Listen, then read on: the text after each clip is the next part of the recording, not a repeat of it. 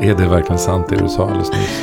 Att du aldrig är stressad? Nej, det är inte sant. Nej. Men i sådana här lägen är jag väldigt ostressad. Ja, Vet du vad jag läste idag? Nej. Jag läste att om du är kvinna och blir vd Mm. så är det dubbelt så stor risk att du skiljer dig i relation till en man som blir vd. Mhm.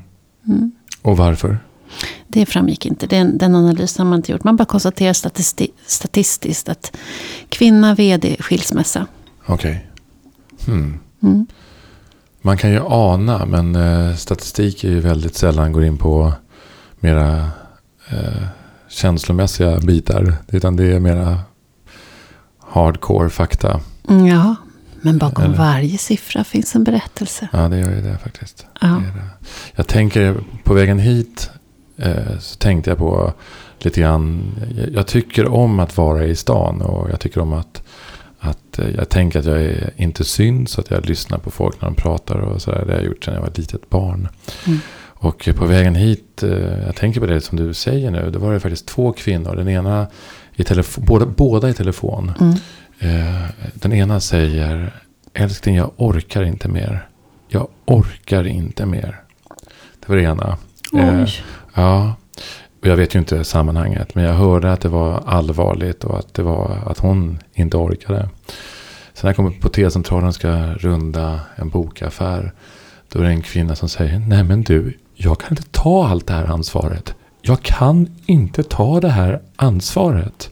Inte själv. Säger hon. Och sen i, tunn, i, i vet vad heter det? rulltrappan upp. Så är det två, framf- två gubbar framför mig. Så är det en man med, med eh, paraply under armen. Och han böjer sig fram för att göra någonting i väskan. Och då sticker den spetsiga delen rakt upp mot den som står precis bakom. Mm, mm. Och då säger han, nej men hallå, ser det för? Du håller ju pe- petat ut ögonen på mig. Ja men du får väl backa då. Säger, säger paraplymannen.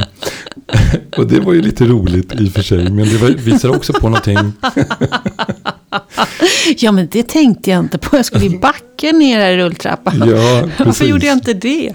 Jag tänker på den här stressen och vad vi Mm. utsätter oss för. Och eh, även det som du och jag delar lite grann. Det här att vi tar på oss lite för mycket grejer. Och, och, eh, men jag, jag tycker att eh, i perioder så, eh, antingen att jag är extra känslig för det. Men jag tycker också att ibland att, att jag tycker att det är ute i samhället, eh, på gatan, att jag ser tecken på det här.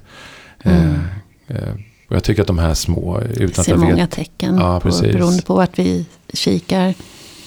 Absolut. Med, Nu- ringer telefonen. ringer telefonen. ja, men då stoppar vi här. Det gör vi. Ja, vi pausar.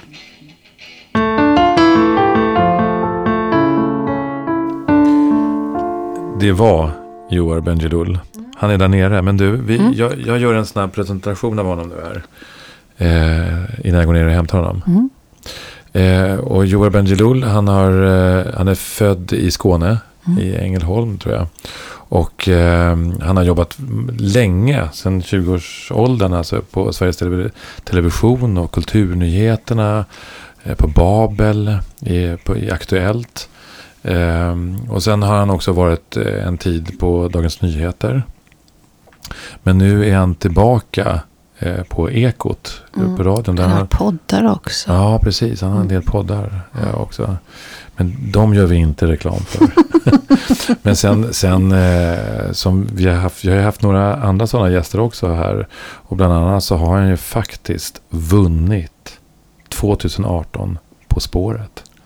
Det är Så- sjukt alltså. Ja, Vilken alltså det- begåvning. verkligen. Mm, Jag går ner och hämtar honom jag gör det.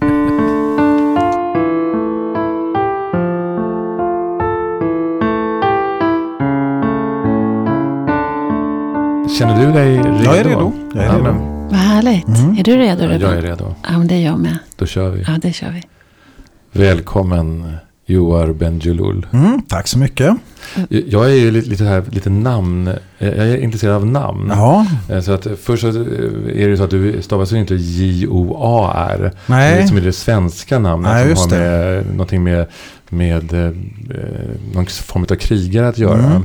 Eh, hästkrigare tror jag att det betyder. Någonting ja liknande. det finns en sån här forn, det är lite fornnordiskt. Det Ja, finns det är en fornnordiskt. berömd storman på 1200-talet som heter Joar Blå. Jag tror Just att mina föräldrar tyckte att det var fiffigt att det fungerade i, Just det. också fanns en svensk, svensk klang i det. Det är ju ett eh, algeriskt namn Ja. också. Ja, egentligen så är det faktiskt ett indiskt. Ett Ja. urdu från urdu. Det kan mycket väl vara så. Det betyder, Ja. På arabiska betyder det juvel. Ja, just det. Åh, så vackert. Juvel eller the right thing. Därför det var ett mått en gång i tiden också. Ja, gud vad du har Ja. läst på här. Ja, men jag tycker sånt där är lite kul. Var, var namn kommer. Och Benjelul. Ja, det är ju Jill Olsson.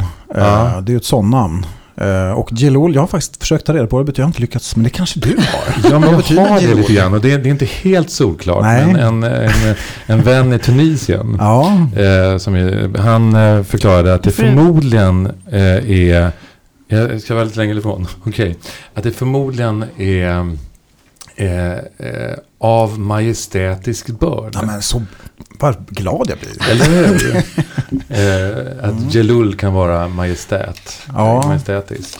Det finns en eh, i liksom arabisk lite så här folklor, en gestalt som heter Goha, eller Joha, det G och J det. skrivs på samma sätt. Och det är en sån här lite, lite så här Bellman, om, alltså man berättar historia. Det är ofta, han är lite enfaldig, men vinner ofta i Just det. slutet av berättelserna Ja. med sin folkliga liksom, enfa, eller smartness. Sådär. Och folk blir ofta fnissiga när jag säger vad jag heter i arabvärlden. För att de det då till den här enfald. Det är som om någon skulle heta Bellman. Liksom. En tysk och en Det fransk. är ju Bellman. väldigt Ja, roligt. det finns faktiskt en Bellman i landslaget nu i fotboll. Gör det? Ja, det gör det faktiskt. Vem då? Ja, Bellman heter han. Jag kommer inte ihåg vad han heter förnamn bara däremot. Eh, I, i landslaget. herrlandslaget eller damlandslaget? herrlandslaget. Gör det? Ja. Det är inte ett helt ovanligt namn och inte England heller. Så sitter vi här och ironiserar Nej. över Bellman-namnet. Men Precis. Bellman, är det sant? Ja. Ja. Okej, ja, jag får läsa in mig. Men nu var ju faktiskt inte namnens betydelse, även fast det är väldigt kul och intressant. Ja. Nej, nu, vi tänkte faktiskt fråga helt annan fråga. Eh, har du mognat något den senaste tiden? Ja, jag har ju... ehm, jag visste att ni skulle ställa den frågan eftersom jag har lyssnat på den här podden. Men jag tycker väl att jag lite grann mognar ehm, hela, hela tiden. Men frågan är om jag mognar, om jag har liksom öv, blir överjäst och eh, mognar, blir övermogen. Övermogen? Alltså att jag mognar på ett dåligt sätt. Jag känner alltså att jag, det är inte nödvändigtvis att mognad är till det bättre. Så har jag tänkt. Att jag, jag förä- om man med mognad menar att man förändras. Okej. Så är det klart att man förändras hela tiden. Men jag vet Så inte du om ni tänker begreppet... lite, ja. lite brun banan liksom? Möjligen, möjligen. Att jag har sett mina bästa dagar lite grann så här. Det, det låter helt osannolikt för mig. Men, men, men, men, men hur, hur, hur, det måste du utveckla. Ja, Hur, hur, hur, hur kan du, på vilket sätt kan du mogna på fel sätt? nej men jag menar det att man kanske måste, jag börjar ju nå den här åldern, jag är inte så himla gammal, jag är 46, men jag ändå börjar märka att jag fysiskt tacklar av. Att jag liksom är tröttare än vad jag varit tidigare och att Mm. jag liksom fysiskt orkar mindre, jag börjar få skador så jag kan inte träna på det sätt som jag önskar.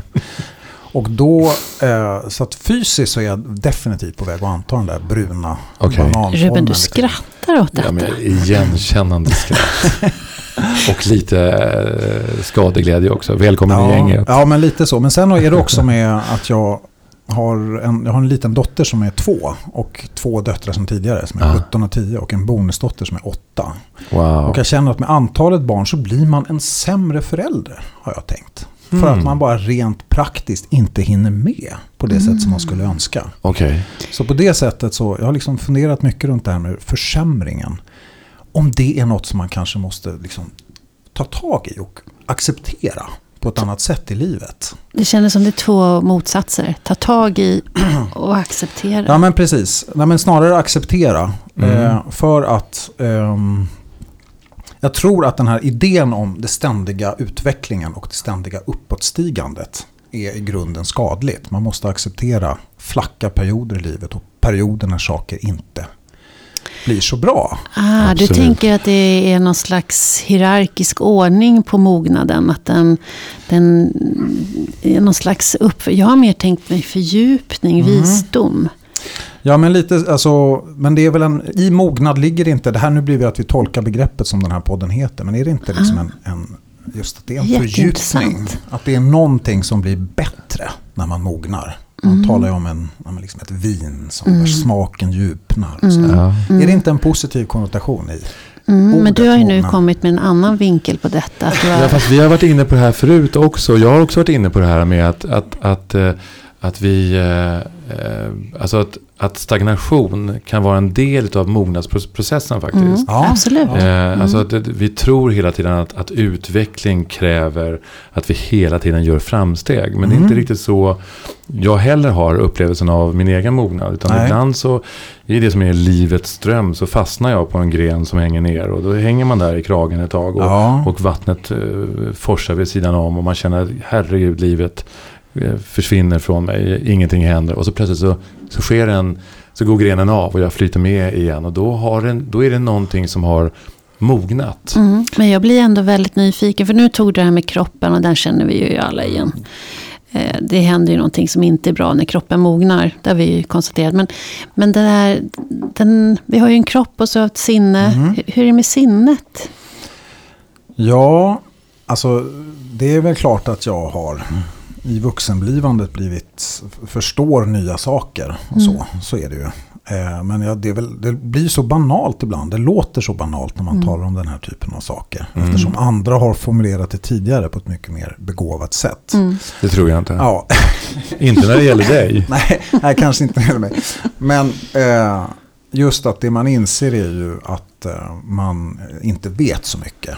Och att alla de saker som man hade föreställningar om inte riktigt stämde. Mm. Och att jag tror att jag var på min liksom, föreställningen om min storhet och härlighet var som störst när jag var kanske 25. Eller något sånt där. Mm, det känner jag igen.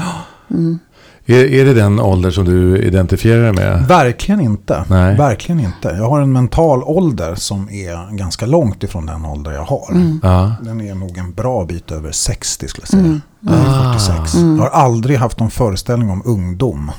Ah. Att jag är ung. Jag började Nej. jobba på Sveriges Television när jag var 20. Ja. Och eh, ungdom är ett koncept som inte intresserar mig. Hmm. Faktiskt. Så du har, du har liksom egentligen inte nått din prime time ännu? Ja, alltså Prime, jag har inte nått min mentala ålder. Nej. Jag har alltid, jag känt, känt, alltid känt mig mycket äldre än vad jag är. Ja, just det. Har du varit lillgammal? Det får man nog säga. Ja. ja.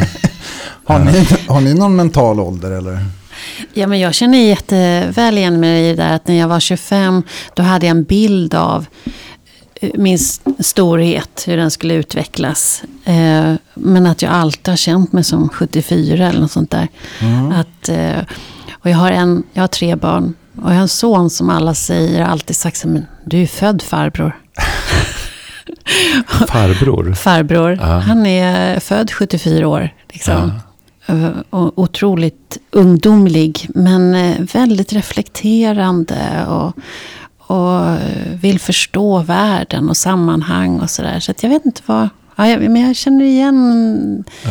det hela. Men jag blir nyfiken, om du tittar tillbaka på dig själv när du var 20 och så idag är du 46.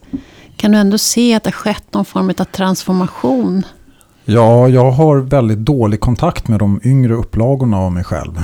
Jag har väldigt svårt att komma ihåg vad jag var för en gestalt och vad det var som var viktigt på den tiden. Jag, tycker, jag tror att väldigt mycket handlar om barn faktiskt. När man får barn, att i det ögonblicket så händer det så oerhört mycket med sin uppfattning om vem man är. Mm. Så att den personen som jag var tidigare har otroligt vaga minnen av vad det var för en gestalt. Det var nog en ganska slapp person som hade, ägnade väldigt mycket tid åt dumheter. Mycket sådär af- afternoon TV och sånt där. Mm. Mm. Men det låter ju... Ja, hur, Är du, har du är du någon uppvuxen kontakt? i eh, trygga förhållanden? Ja, det skulle jag absolut säga. Ja. Mina föräldrar, jag skulle verkligen säga att jag hade en bra uppväxt. ja. Jag flyttade hemifrån när jag var 18, men det Ja. gjorde man ju förr. Man- Det är inte riktigt samma sak nu. Nej, det är lite svårare idag också att Ja, hitta någonstans att bo. Inte minst. Jo, precis ja. Ja. Mm. För det, jag tänker ibland att eh, när man har svårt att minnas eh, sin barndom så är, kan det ibland vara att man stöter, på patrull för att det är vissa saker som är ouppklarat. Nej, men jag minns min barndom väldigt Ja, väl. Alltså, ja. Jag minns saker jag varit med om. Men vad jag var för en gestalt i Nej. 20-årsåldern. Det, Hur du tänkte, Hur jag hur tänkte kände. och vad det var som var viktigt och sådär. Det, det minns jag inte riktigt. Eller det känns inte som att det betyder så himla mycket heller. Nej. Nej. Så du föddes liksom med pappaskapet? Eh, ja, men på, På något något, plan. Det är ju så uppenbart att jag har ju på något sätt- jag har ju hållit på och fortsatt med det här med att ha barn. Ja. Jag har en 17-åring, en 10-åring och en eh, 2-åring nu. Mm. Så jag räknade ut att jag blev tonårsförälder 2017. Och Mm. jag kommer att vara det oavbrutet fram till 2039.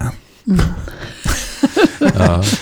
Hur känns Och det? då, det känns jättebra. Då kommer jag Ja. hålla mig sysselsatt. Ja. Ja. För det för mig är det ju helt uppenbart att det är en sån stor meningsbliv. Alltså att det skapar mening och djup i tillvaron. Mm. Att man, Va, va, vad är det? Va, varför skapar barn mening? Vad- vad nej det men du- alltså det är ju på ett plan ganska egoistiska saker. Ja. Du känner dig behövd.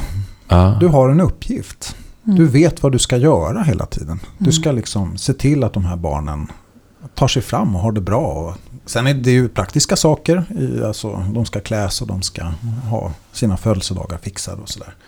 Men sen är det ju också att de är för mig. Mm. Mm. Att det är deras liv eller välbefinnande som är prioriteten. Och Mm. det är ju en, det är en slags underkastelse som jag Mm. verkligen tycker om. Mm. Men tolkar jag det rätt då? Att det, det fann, födde, föddes en mening som inte riktigt fanns innan?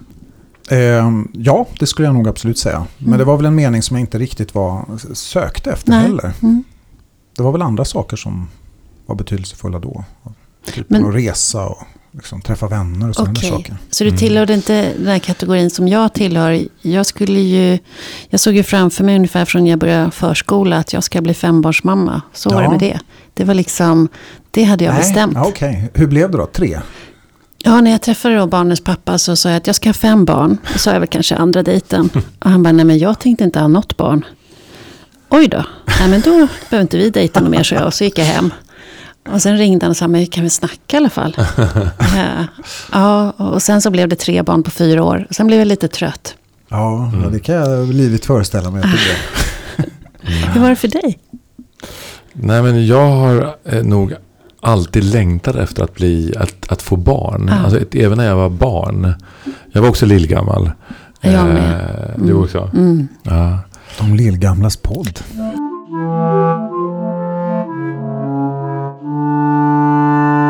Jag brukar så lite, lite skämtsamt säga att jag blir bara barnsligare och barnsligare för varje år som går.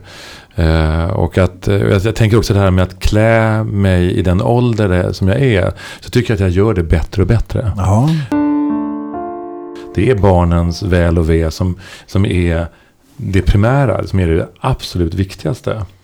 Men det finns för, för mig någonting också något där att, att vilja hela eh, det som inte var så bra eh, innan. mm. Ja intressant. Ja. Känner du igen det? Ehm, ja, du menar att... Eh, hur menar du? Måste Nej, men om det finns någonting att du, vill, att du vill göra vissa saker bättre än hur det var för dig. Ehm, ja, jag tyckte nog att jag hade en ganska bra uppväxt faktiskt. Att mina föräldrar har skött sig på ett sätt som jag... Alltså ett bra sätt. Ja. Och eh, jag är nog med, med att jag tänker att jag, nej, men det här ska jag försöka göra på samma sätt. Mm. Jag känner att jag är inte riktigt lika bra som mina föräldrar på vissa saker. Mm. Eh, jag skulle gärna vilja skapa lite mera eh, ritualer och ordning runt måltiden till exempel. Mhm. Om Mm. man tar ett mycket vardagligt exempel. Mm. Men det, mina, mina måltider är kaotiska och ingen tycker om någonting jag lagar och sådär. Det är, så. Ja, ja, Det är lite- hårt. det är lite hårt ja. Jag hade, en, jag hade en rutin med mina barn som jag hade under hela deras uppväxt. Det när vi satt oss kring matbordet så var det ett, vad var det bästa som har hänt idag? Ja, Nummer två var absolut det jävligaste som Ja. hände idag. Och nummer tre, vad har jag lärt mig? Och så diskuterades det upp och ner och fram och tillbaka hit och dit. Och idag är de vuxna, de lever i egna hem och så med sina sambos.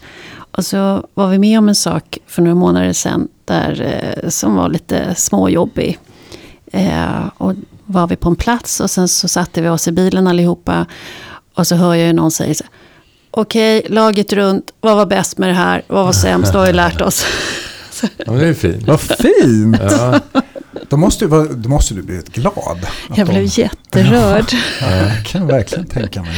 Men det var, det var ett sätt för mig att se till att det blev lite ordning med matbordet. Ja, Mm. jag kanske ska ta, bara sno det rakt av. Tyckte det, var Det tycker jag. Ja, Och att man ska sitta kvar eh, efter att man har checkat upp och snacka. ja exakt. Eh, alltså hur, det- hur ska man få till det? Ja. Nej men det är bara, alltså ett måste man vara intresserad av barnen. Ja, Eh, och Catching, sen, där har vi kryssat i. ja. vad sa du? Där har vi kryssat i. Ja. Men det är inte mitt intresse, det är inte där bristen Nej. finns. Utan det är, jag vill Deras. inte behöva vara för auktoritär heller vid matbordet. Det blir inget bra samtal. Nej, det blir man inte säger så här. Nu sitter du jävla kvar här och samtalar med mig. Snacka med Alltså pappa. är det så illa? Nej men de, vill, de är fladdriga Ja. helt enkelt.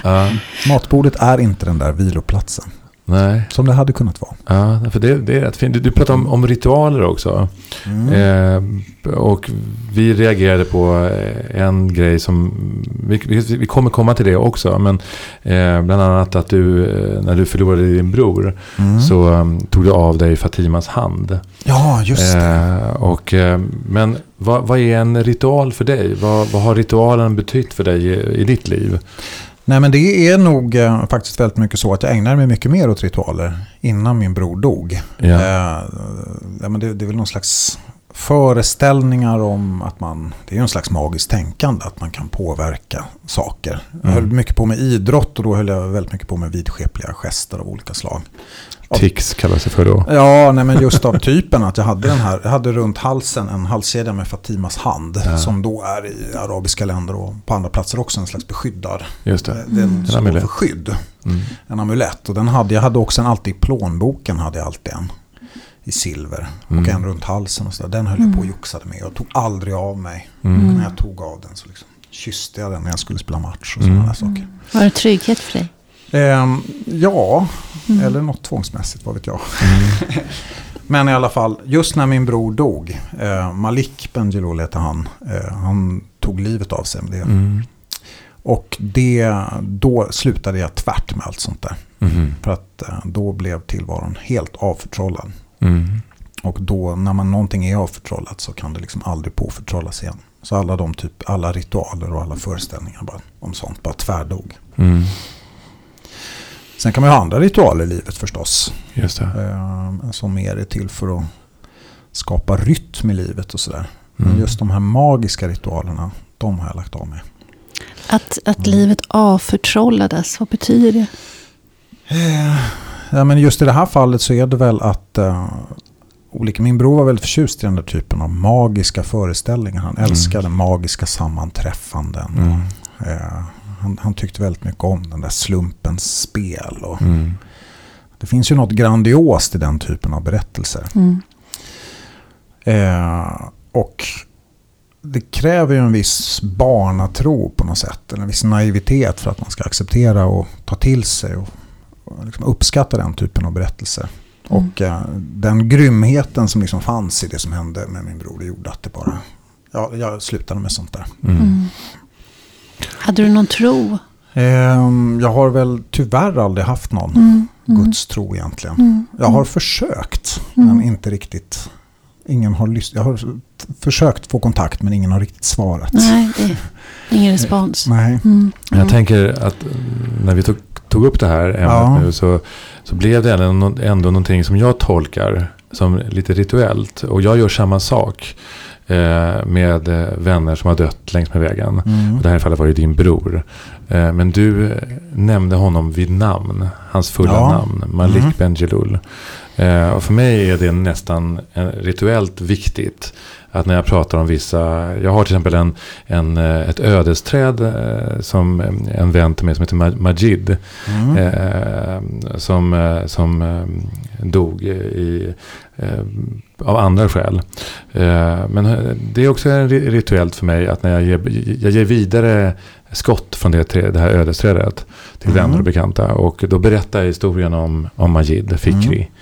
Eh, eh, och på det sättet, och det finns något rituellt i det för mig. För att eh, eh, det, det, finns någonting, det är någonting väldigt vad, vad, vad var det du kallar det för? Någonting omagiskt med det förtrollande kring livet försvinner ju när man förlorar någon. Men det finns också någonting, trots det, där jag försöker återerövra det. Ja. på det här sättet. Och att de också lever på ett sätt. Så länge vi kommer ihåg deras namn. Nej men så är det ju. Jag är ju noga med att försöka omtala min bror. Ja. Och, eh, att jag nämner honom med för och efternamn, ja. Nej men jag tror mest det var en service till de som lyssnar på detta. Ja. ja, men det var en bra service. Ja. En rituell service. Ja, en rituell service ja. Mm. Eh, Men- ja. Du, när man är med om något sånt där fr- otroligt traumatiskt och, och smärtsamt som du har varit med om. Jag tänker tillbaka till det här när du pratar om att föräldraskapet är det som gav mening. Påverkar det ditt föräldraskap att vara med om en stor, stor sorg? Ehm, ja, det vet jag väl inte riktigt om det gjorde. Det blev väl... Intressant fråga. Ja, man blir ju våldsamt självupptagen när man är med om en sån där sak i början i alla fall. Mm. Så det är väl möjligt att jag var en sämre förälder precis när det hade hänt och så.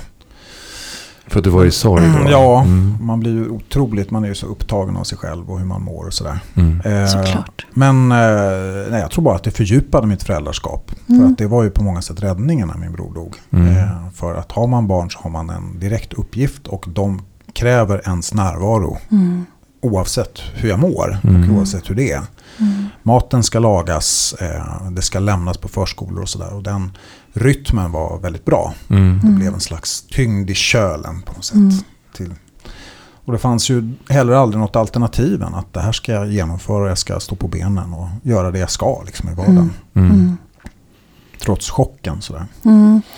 Och, jag, jag tänker, jag har också varit med om en, en stor sorg. Och, och det, nu när vi pratar om det så tänker jag att det gjorde nog något med mitt föräldraskap. Att, eh, inte för att jag tror att de har noterat det, men att det blev...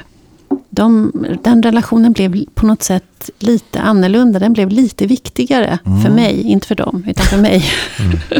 Eh, så att den, eh, det här som är viktigt på riktigt fick en annan dimension på något sätt. Jo men det kan jag verkligen eh, känna igen och hålla med om. Att det, liksom, de banden, de var väl starka tidigare också. Mm. Men det är klart att de fördjupades ytterligare kanske. Jag- tänker också att i, i sådana här lägen, eh, när, när du säger eh, det var viktigt för mig. Eh, även om det inte är medvetet så blir det någonting som blir viktigt även för den andra Mm. också. Mm. Eller sammanhanget. Det är Mm. någonting som vi, apropå det magiska. Jag tror liksom att eh, om jag är engagerad på ett annat sätt. När jag inser att vilka, vad är det för värden som är viktiga när jag precis har förlorat en bror till exempel. Eh, eh, så tror jag att det, att det känns i sammanhanget. Mm. Mm. Jag Mm. tänker att livet får en, jag vet inte, kanske en annan ton. Mm. Ja, nej men det är det ju. Klart att livet får en helt annan ton efter en sån där händelse. Mm. Eh, nej men om ni pratar om vad som definierar ett vuxenblivande sådär. Vad som har varit definierande i vuxen ålder så är det ju förutom då mina barn. Så är det ju den här händelsen att min bror tog livet av sig och försvann. Mm. Det är ju en vändpunkt. Mm. Mm. Mm. Så är det ju. Det finns ju ett före och ett efter verkligen Mm. i mitt liv. Och kan du, apropå då, om vi ska prata vuxenblivande, kan du se nu när det finns, nu när det li, har gått lite tid i alla fall, att, att du kan, kan du se den du är idag och den du var då? Och, Ja, jag kan ju se att jag hade en slags lätthet på den tiden. Mm. En, eh, eller innan min bror dog. En slags föreställning om att jag levde under en lycklig stjärna och att det kommer att gå mig väl. Mm. Eh, som, en sån sak som jag tror kommer av att man haft en, mm, en uppväxt som har varit harmonisk. Mm. Man tänker sig inget ont kan hända på något sätt. mm, Det försvann ju och jag kommer alltid att ha någon typ av, alltså sådär riktigt lätt kommer jag nog aldrig bli igen. Mm. Alltså riktigt i, i sinnet. Mm. Mm, Riktigt glad vet jag aldrig om jag kommer att bli igen. Mm. Jag kan ju ha glada ögonblick sådär. Men Mm. grundtonen är förändrad. mm. Mm. Du, jag tänker på din sorg var ju annorlunda mot min på det sättet att eh, din var publik. Jag tänker, vi har ju precis, just nu så pågår ju eh, massa samtal om ett mord som precis har skett. Där vi alla vet vem det är. Ja, Einar tänker jag på.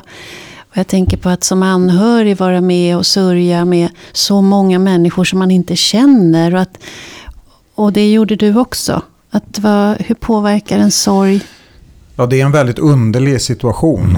Mm. till att börja med så, eftersom jag är journalist och vet jag hur medier fungerar. Så att jag, eftersom min bror då, han hade ju vunnit en Oscar för en mm. film som heter Searching for Sugarman. Så han var ju liksom en bekant person, inte bara i Sverige mm. utan också utomlands. Så att det första jag var tvungen att göra det är liksom att mediehantera. Mm. För att det ringer journalister. Liksom. Aftonbladet ringer, Expressen ringer och dagen efter så var det bara, det ringde från hela världen. Mm. Och då mm. visste ju jag att om jag inte tar de här samtalen och ger intervjuer då kommer de att fortsätta jaga mig. Mm. mm.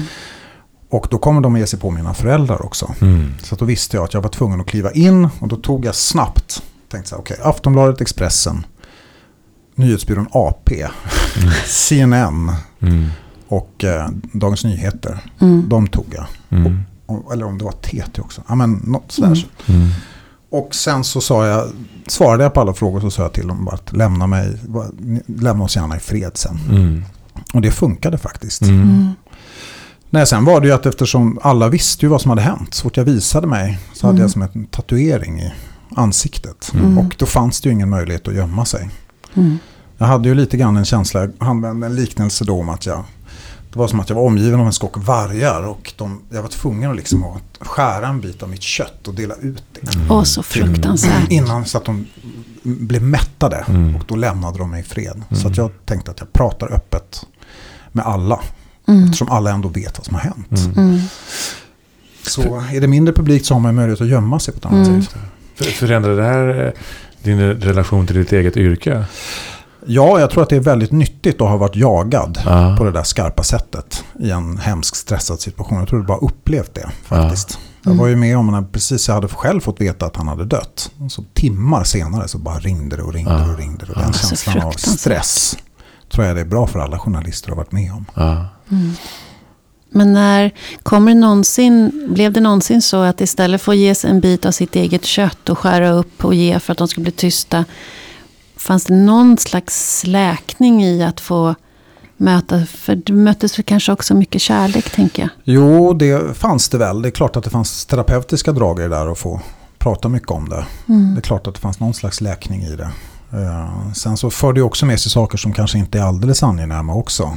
Dels så kan man bli liksom lite ja, men uppfylld av sig själv mm. när man är mm. för, i, i centrum på sådär mm. mycket, vilket inte är alldeles bra. Och sen så kände jag väldigt fort att jag började ja, man anekdotiserade. Just det. Att jag började, mina formuleringar återkom. Och, eh, eftersom jag var tvungen att prata med så många människor. Och det är inte så man vill minnas en människa med färdigpaketerade formuleringar. Mm. Mm. Mm. Ja. ja, det där är... Nej, jag tänker mycket ja. nu på Nils Grönbergs föräldrar och ja. vad de är med om nu. Och, eh, mm. ja, vad ska jag säga, det är ju liksom det värsta som kan hända en människa. Att man ja. förlorar ett barn. Det finns ju ingen försoning i det. Nej, verkligen inte. Jag tänker att vi alla går och tänker på det. Jag är också väldigt uppfylld av ja. att om när man själv var barn, ens, ens föräldrahjärta går ju lite sönder när man ser och hör. Ja, det är fruktansvärt och det finns också... Det drabbar ju mig ännu hårdare jag tänker på oss nu. Alltså, ett, att det kommer in i innerstan. Eh, men i mitt fall att det är, det är min klasskamrats son. Eh, och han var ute i kulisserna som liten knodd. Eh, 10, 11, 12, 13-åring. När vi spelade på stora scen så hängde Nils, som vi kallar honom då, mm. i kulissen. Och man, mm. Eh, så att han, han är ju en, eh, en verklig person. Mm. Och samtidigt finns det någonting, att jag känner mig lite generad och skamfylld över att det, att det är så också. Därför att det är ju ändå så att det är innan Nils så är det 21 andra unga mm. eh, män som har blivit mördade av mm. andra unga män. Och jag tycker att det är ett sånt fruktansvärt nederlag för vårt samhälle att, vi, att, att det har blivit på det här sättet. Mm. Just ja, nu får man ju också i, i din bransch, vad jag förstår, också en en diskussion kring både hur man har sett på musiken och hur man har pratat kring den. Och, och hur man är man medverkande i det, i hela den här diskursen kring mm. de här gängen och musiken och så? Hur?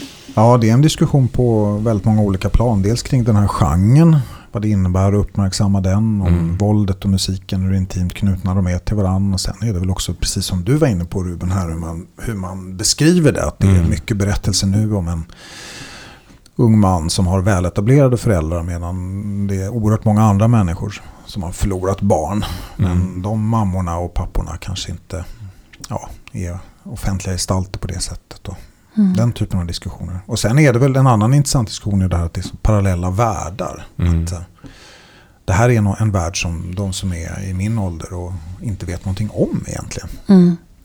Inte kan förstås, inte kan avläsa koderna. Mm. Och det är ju, jag tänkte på det med mus- musiken. Jag är, för mig är det en helt ny sorts musik. Medan mina barn berättar för mig att det här är ju Sveriges största artist. Mm. Så det är också så annorlunda. Ja, jag har en dotter som är 17 som har faktiskt tidigare berättat för mig om att, att det är Sveriges största artist. Så jag Mm. känner ju mycket väl till honom. Mm. Ja. Sådär. Men det var ju via henne jag fick Mm. veta vem han var.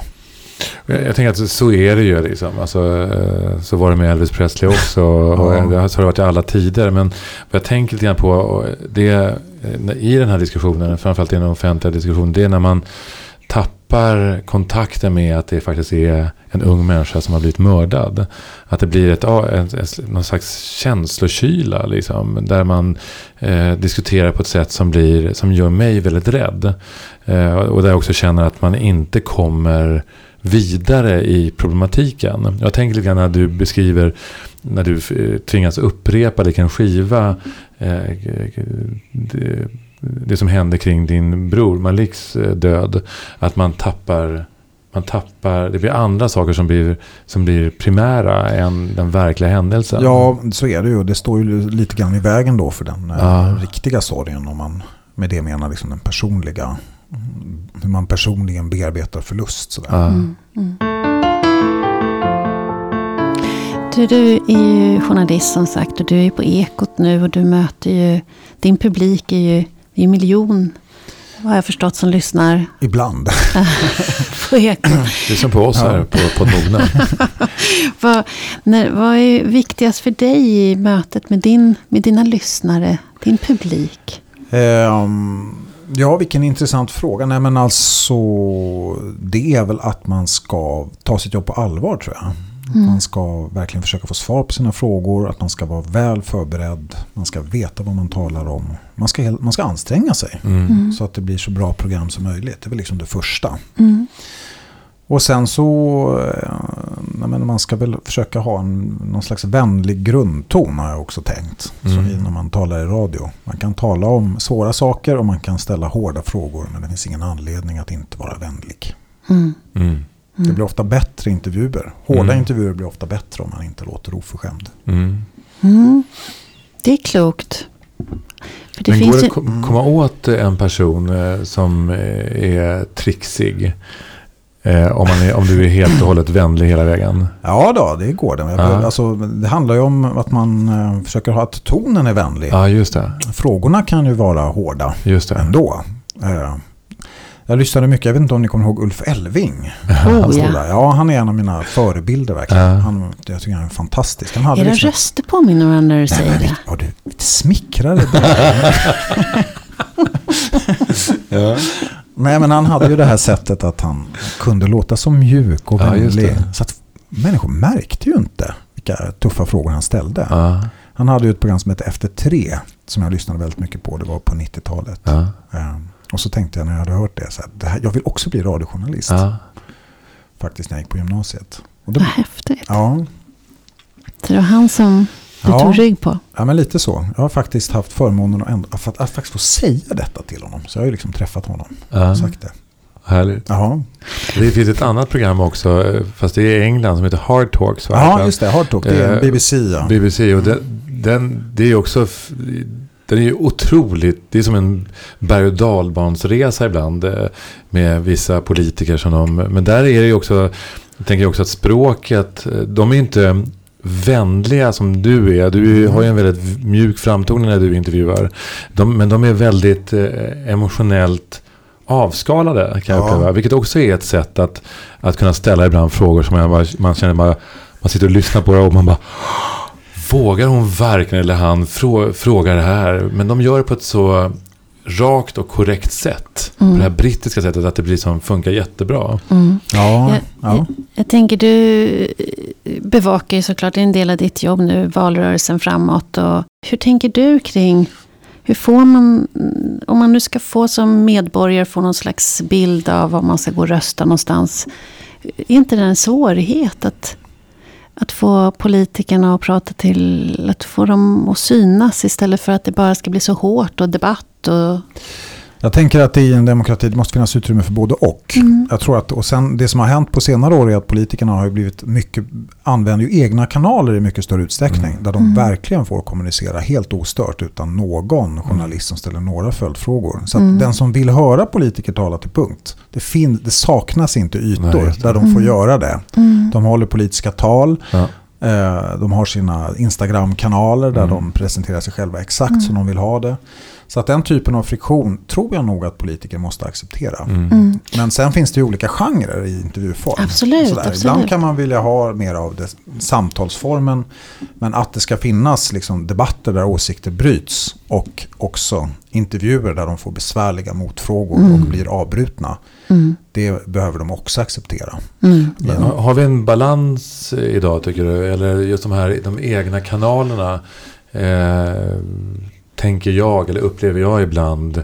Eh, stör mig en del. Eh, för att tycker, för, för att inte stör mig på det sättet, men jag blir orolig när det just är eh, fritt fram för eh, politiker eh, att, att oemotsagt säga helt och hållet vad de vill föra fram. Att det är en del av just demokrati, den, eh, i och med att vi har så mycket olika sätt att kommunicera på idag. Eh, kan du känna att det här finns, att det finns en obalans, att det finns ett hot? Eh, Ja, men hotet uppstår väl i det ögonblick då de drar sig undan från att bli Just det. intervjuade. När de bara väljer att framträda i sina egna kanaler. Och den Ja. tendensen finns ju verkligen. jag tänker på eh, Trump nu som ska ja. öppna en egen, egen plattform. Eh, Ja, han är ju för sig inte rädd att möta journalister. Nej, Han, verkar ju, han älskar ju det. Det är, något, det är liksom det bästa men han vet. svarar ju å andra sidan inte på Nej, det gör han inte. Nej. Men han gillar väl att liksom skälla ut dem och Ja, säga att de är samhällets gift och sådana Mm. där saker också. Men själva mötet verkar han inte vara det minsta rädd Nej, för. Hur, hur påverkar det din egen politiska uppfattning i när du, det är ditt dagliga arbete att granska, att eh, problematisera och när idag när, när debatten är så hetsk och man pratar eh, blåbrunt om det, det, det är ganska hårt debattklimat. Alltså, färgas du av att leva i den världen, din egen uppfattning, även om du inte pratar om din egen uppfattning, men generellt? Ja, när det gäller den politiska uppfattningen så den har ju gradvis, eh, faktiskt på riktigt så, betraktar jag inte politik. Jag är inte särskilt åsiktsdriven när det gäller politik. Eh, mina åsikter har liksom, klart att jag har åsikter, men de suddas ut. När jag arbetar så är det mycket viktigare med eh, alltså de journalistiska perspektiven och de journalistiska bevekelsegrunderna. Försöka förstå, försöka hitta också blottor och saker där politiken inte går ihop och sådär. Och det när man, jag har ju inte befunnit, jag har jobbat på public service så himla länge, jag har aldrig befunnit mig i den där åsiktsdrivande offentligheten. Och det har ju kanske kan framstå som lite underligt när åsikter är en sån hårdvaluta i samtalet. Men jag pysslar inte med åsikter. Nej. Hur påverkar det mognad? Ja men det tror jag nog är en ganska bra, faktiskt det kan man nog, det har jag inte ens tänkt på, men det är en utgångspunkt som inte behöver vara, ganska bra faktiskt i ett samtal. Alltså om man skalar bort åsikter så tror jag att man kan få En form av objektivitet. Ja, men någonstans. Det är lättare att möta människor Ja. om man har mindre åsikter tror jag faktiskt. Just det. Och framförallt inte förutfattade åsikter. Nej. Vilka människor är. Så. Det blir nyfikenheten som... Ja, nej, men av typen jag talar inte med dig för att du eh, röstar på ett parti som jag avskyr. Ja, just det. Den typen av tankar. Men ni får också ibland. kritik eh, för att vara eh, åsiktsbundna. eh, Ja, du menar på public service? Ja, just det. Ja, det händer ju och det menar jag är faktiskt grundfalskt. Ja. Mm. Ja. Då Idag är är ju, det ja, då skulle man alltså just att, politi- att eh, journalistiken skulle vara vänstervriden på public service är ju det som Mm. ibland Ja. dyker upp. Och ibland tvärtom är det också idag. Ja, ibland, så ibland slår ju pendeln över åt Mm. andra sidan. Just det. Och det, är, det kan jag säga att det har jag inte mött. Nej. Framförallt inte bland de som jobbar med politik. Ja. Mm. Faktiskt. Det finns en, jag ser en väldigt hög professionalitetsgrad Ja. faktiskt. Mm. Ja, du, du är inte den Mm. enda. Vi har haft några journalister här och då alla hävdar ju det med samma emfas. Och vi har en till som kommer så småningom. Så vi ska se vad, vad hon kommer säga om det. Ja, vem är det då? Margit Silberstein. Jaha, ja. just det. Ja, men hon kanske kan tala eh, på ett annat sätt. Hon har ju dragit sig tillbaka och är ja, pensionerad nu. Ja. Kanske kan tycka mer.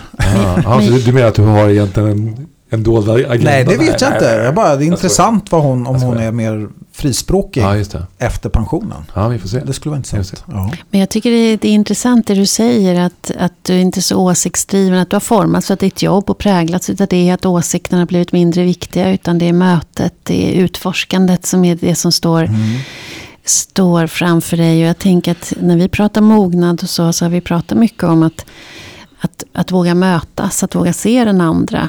Ja, vi kan tycka olika, men vilken bakgrund ligger din, bakom din slutsats? Och hur kom du fram till ja. den? Att, ja. att vi behöver ju mötas, vi behöver ju samarbeta, vi behöver relatera till varandra. Kanske. Mm, ja, men det är intressant. Då tror jag att åsikter är i grunden av ondo faktiskt. Ja. Åtminstone om man uh, framför dem på ett oförsonligt sätt. Ja, just det. Och samtidigt hänger åsikter ihop med civilkurage och säga stopp och säga nej. Och... Ja, det är ju en, en balansgång. Man kan ju inte vara helt utan eh, liksom, åsikter om... Det är klart att det finns en moral ändå mm. som man inte kan släppa på. Nej. Alla människor har väl moraliska föreställningar och gränser om vad som är rätt och fel och sådär. Mm. Men har du någon gång träffat någon där du känner i magtrakten att det här är djupt obehagligt? Det här är en djupt obehaglig person. Och du är djupt intresserad av att ta reda på hur den här människan har utvecklat sig. Hur, har du haft några sådana, sådana möten? Um, nej men vilken bra fråga faktiskt. Nej, jag, alltså, det är ju ofta så i möten med människor att man är, det är inte så att man känner obehag. Nej. faktiskt. Eh, man kan ju ibland eh, känna att människor är arroganta ja. och självupptagna och sådär. Det är det ganska ofta. Men det är ju en mäns mer mänsklig sak. Ja. Jag brukar inte vara, vara skrämd sådär, av människor jag möter. Vilken är den svåraste fråga som du har ställt vid något tillfälle? Har du någon minnes som du tyckte att den här, den här personen, det här blir en jobbig fråga att ställa. Gör lite, här skaver lite. Nej men det är, det är sånt man söker hela tiden. Försöker hitta de där frågorna. Ja men för dig? Ja, nej men det är mer så här. Man, man försöker ibland hitta. Jag kommer ihåg att jag intervjuade Anna Kinberg Batra en gång. När hon, eh, det var mycket kritik att hon inte svarade på frågor precis just då. Mm. Och då tänkte jag att när hon inte svarade på frågor så påtalade jag det i den här intervjun. Nu svarade på en fråga jag inte har ställt. Eh, och då sa jag någonting i stil med att vad gör du när du får frågor som du inte vill svara på? det är underbart. Men jag tänker på en annan gäst som vi hade här, Anders Kompass. Mm. För han satt ju i samma rum med eh, paramilitära eh, generaler och eh, andra obehagliga mördare. Mm. Och förhandlade med dem. Och också där hur han beskriver hur han var tvungen att sätta sig själv i parentes. Mm. Att också försöka, för att, att försöka förstå eh, drivkraften hos de här på, mm. båda, på båda sidorna. Liksom. Mm. Att inte... Att, och det primära var ju att de skulle sluta döda varandra.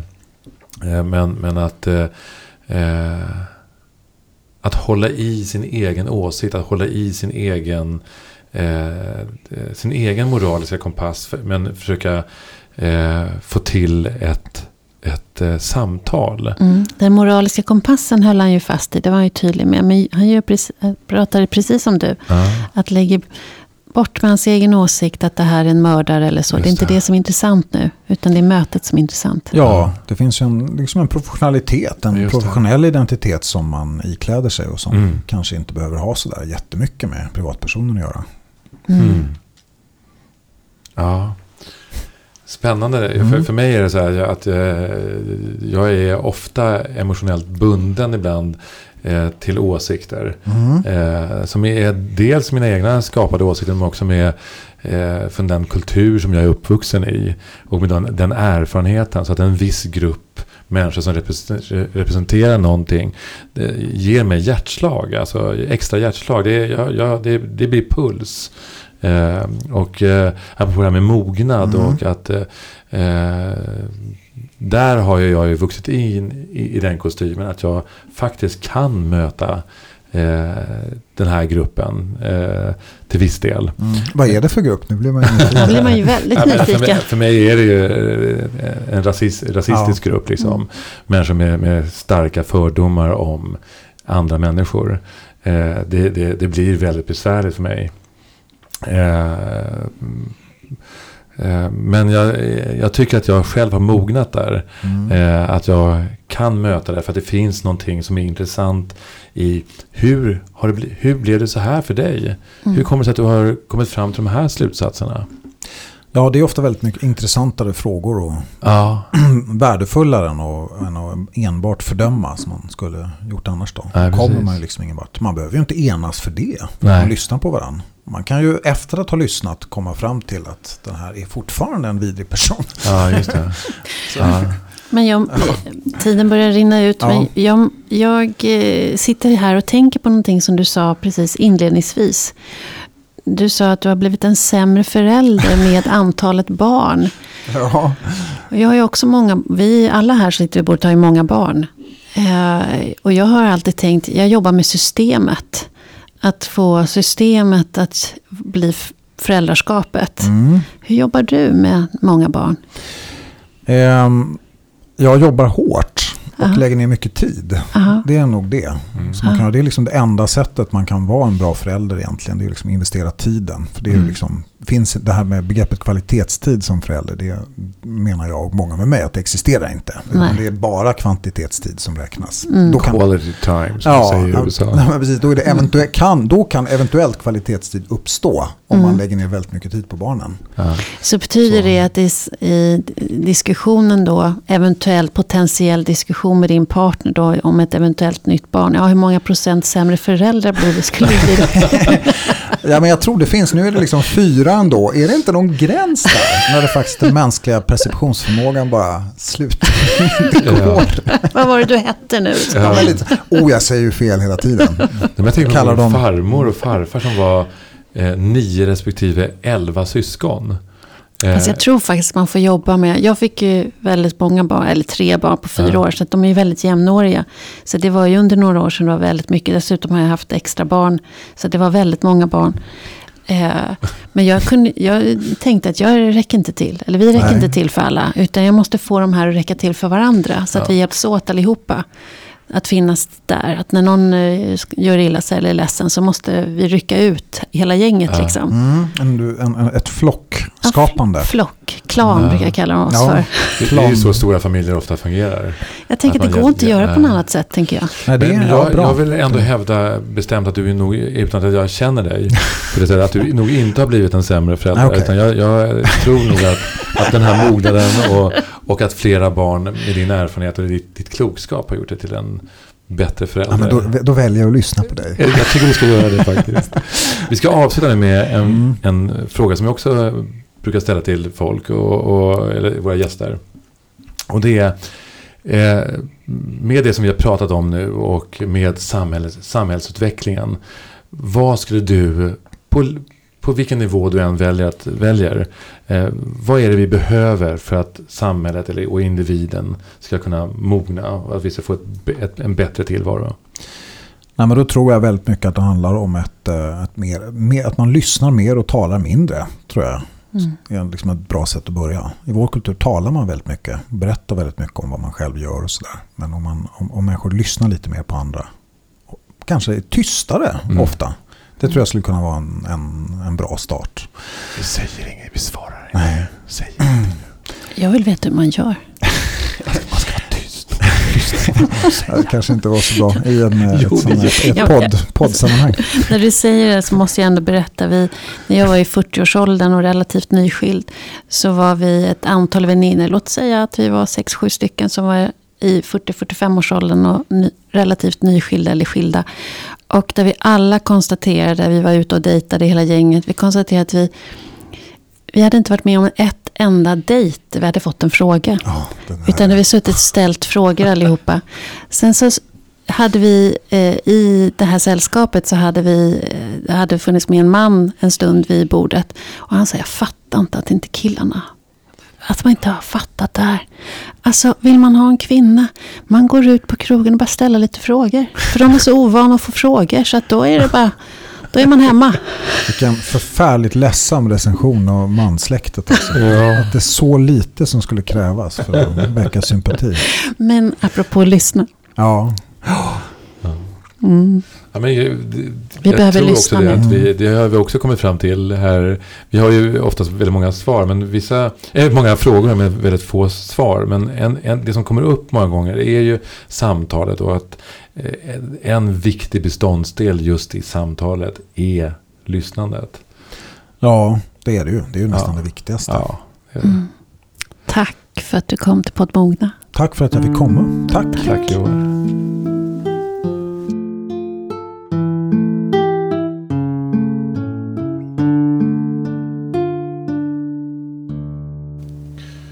Tack Joar Bendjelloul. Tack. Ett vackert namn tycker jag. Väldigt vackert namn. Och vilken Ulf Elving-röst. Ja, Ja. det är fint sådär när man har eh, en förebild. Och Ja. någonting. Och, så, och, och också man får träffa den personen. Och, Och få säga det. ja, just det. Mm. Det är fint. Och du har haft någon som du har tagit rygg på. Inte som jag kan säga så här på rak arm. Eh, faktiskt. Eh, nej. Har du? Nej. Nej, nej det, är, det, det är svårt med förebilder tycker jag. Men det är många, många som har inspirerat mig. Det är det ju. Alltså jag, många förebilder har jag. Jag har många, jättemånga förebilder. Men det där med att, att ta rygg på någon och säga så där, där, den där vägen vill jag också gå. Ja, just det. Det har jag inte. Nej, det, det har inte jag heller. Jag är nog för svängig för det. Ja. Jag tänker också på det här med sorgen och förlusten. Mm. Och jag känner igen mig också i vissa saker som han, hur han uttryckte sig kring. Eh, jag kommer nog aldrig bli riktigt glad igen. Eller att det alltid kommer finnas ett, ett, ett mått av sorg även i glädjen. Liksom. Och jag, jag tänker att eh, så är livet ganska mycket. Och jag tänker också, eh, i mitt liv har det också varit så att jag har, att det var länge så jag tänkte eh, att, att jag aldrig skulle bli, kunna bli riktigt, riktigt glad. Eh, men livet har visat sig på ett annat sätt för min del. Ja, för mig är nog ve- sorger och förluster har nog blivit, det, det är som det har blivit en baston. Att det, Mm. att det har blivit en ton till i, i registret. Ja. Mer än att det är ett, det är inte som, jag kan inte påstå att det är ett raster över hela livet som, som, blir på, som blir märkt. Men det finns en ton som inte fanns där tidigare. Mm. Mm. En, en lite djupare botten på något sätt. Just det. Just det. Kanske. Ja. Men sorg är, sorg är svårt. Jag tror att det är många som försöker undvika att känna sorg och smärta.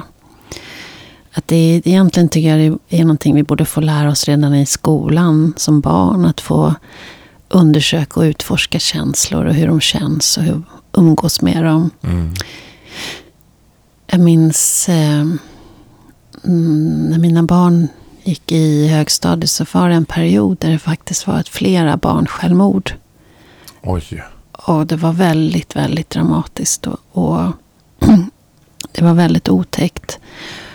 Och då var det faktiskt, var jag en av de som tog initiativet till att få, att barnen skulle få träffa någon som var expert på det här området.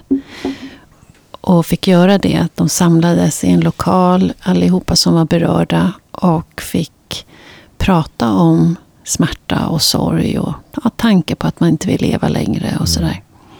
Och så gjorde jag utvärderingen efteråt. Alla fick fylla i en utvärdering. Och det var så många utav de här ungdomarna som fyllde i att eh, det här var den viktigaste skoldagen Mm. av alla. Mm.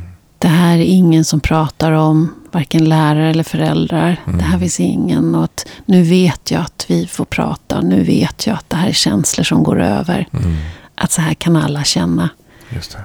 Och att hur otroligt viktigt det är att vi får lära oss att få vara i smärta och i sorg och rädsla. Och Mm. att det inte är farligt. Nej, precis. Det är ju snarare precis tvärtom. Att det är farligt att inte sörja. Mm. Eh, och det behöver inte alltid vara ett dödsfall. Utan det kan ju vara en relation. Mm. Att även där är det ju farligt att inte sörja. Mm. Eh, även om vissa påstår att det var en lycklig skilsmässa och sådana saker. Så är det ju ändå ett, ett, eh, ett uppbrott. eh, Mm. Och ett misslyckande av något slag. eh, Mm. Att man eh, faktiskt inte lyckades leva tillsammans. Mm. Eh, Även om det kanske är, är av godo. Men jag, jag tänker att en stor del av, av mängden deprimerade människor Mm. bygger just på, eller beror just på att vi inte tillåter sorg. Mm. Vi, vi tillåter oss inte att ha den platsen. Mm. Och att också att inom eh, en viss del av vården väldigt snabbt skriver ut eh, eh, psykofarmaka till människor som är ledsna. Mm. Men alltså att vara ledsen är ju ett sätt att, att, eh, att, eh, ja, att, att tvätta sig ren från, eh, från den här, det här sorgesmolket. Liksom. Mm. Och det måste vi igenom. Det gör Mm. ont, men vi måste igenom. Mm. Ja, egentligen är det intressant att fundera på varför det blir så läskigt att ha ont. Mm. Varför? För det är ju vi också i vårt samhälle. Vi är många som tränas av att stänga av. Just det. Att eh, inte möta varken smärta eller sorg. Mm. Och att eh, i det här samhället där som är väldigt mycket uppbyggt av att vi ska prestera och leverera. Och att stor del av vår identitet är vår leverans, prestation. Så blir det ju också väldigt... Jag menar, står, står sorgen och smärtan i vägen för det. Mm. träffade i mitt jobb så träffade jag för ett tag sedan en man som sa att Nej, men jag, just nu så har jag zoomat ut från jobbet för att det är så mycket smärta just nu som jag behöver vara i så att jag kan inte fullt ut Mm. leverera eller koncentrera mig på det. Mm. Och så är det. Och jag tyckte det var så befriande att Mm. ja, så ser livet ut. Vi Ja. kan inte ligga på toppnivå hela tiden utan ibland så är det ganska kass faktiskt. Mm. Och det måste få vara det. Det måste få vara det. Så är det verkligen. Ja. Jag tycker att det var ett bra avslut. Mm. Vi tackar för oss Ja, för det idag. gör vi. Ska vi göra det? Ja, det gör vi. Tack, Dysterkvist.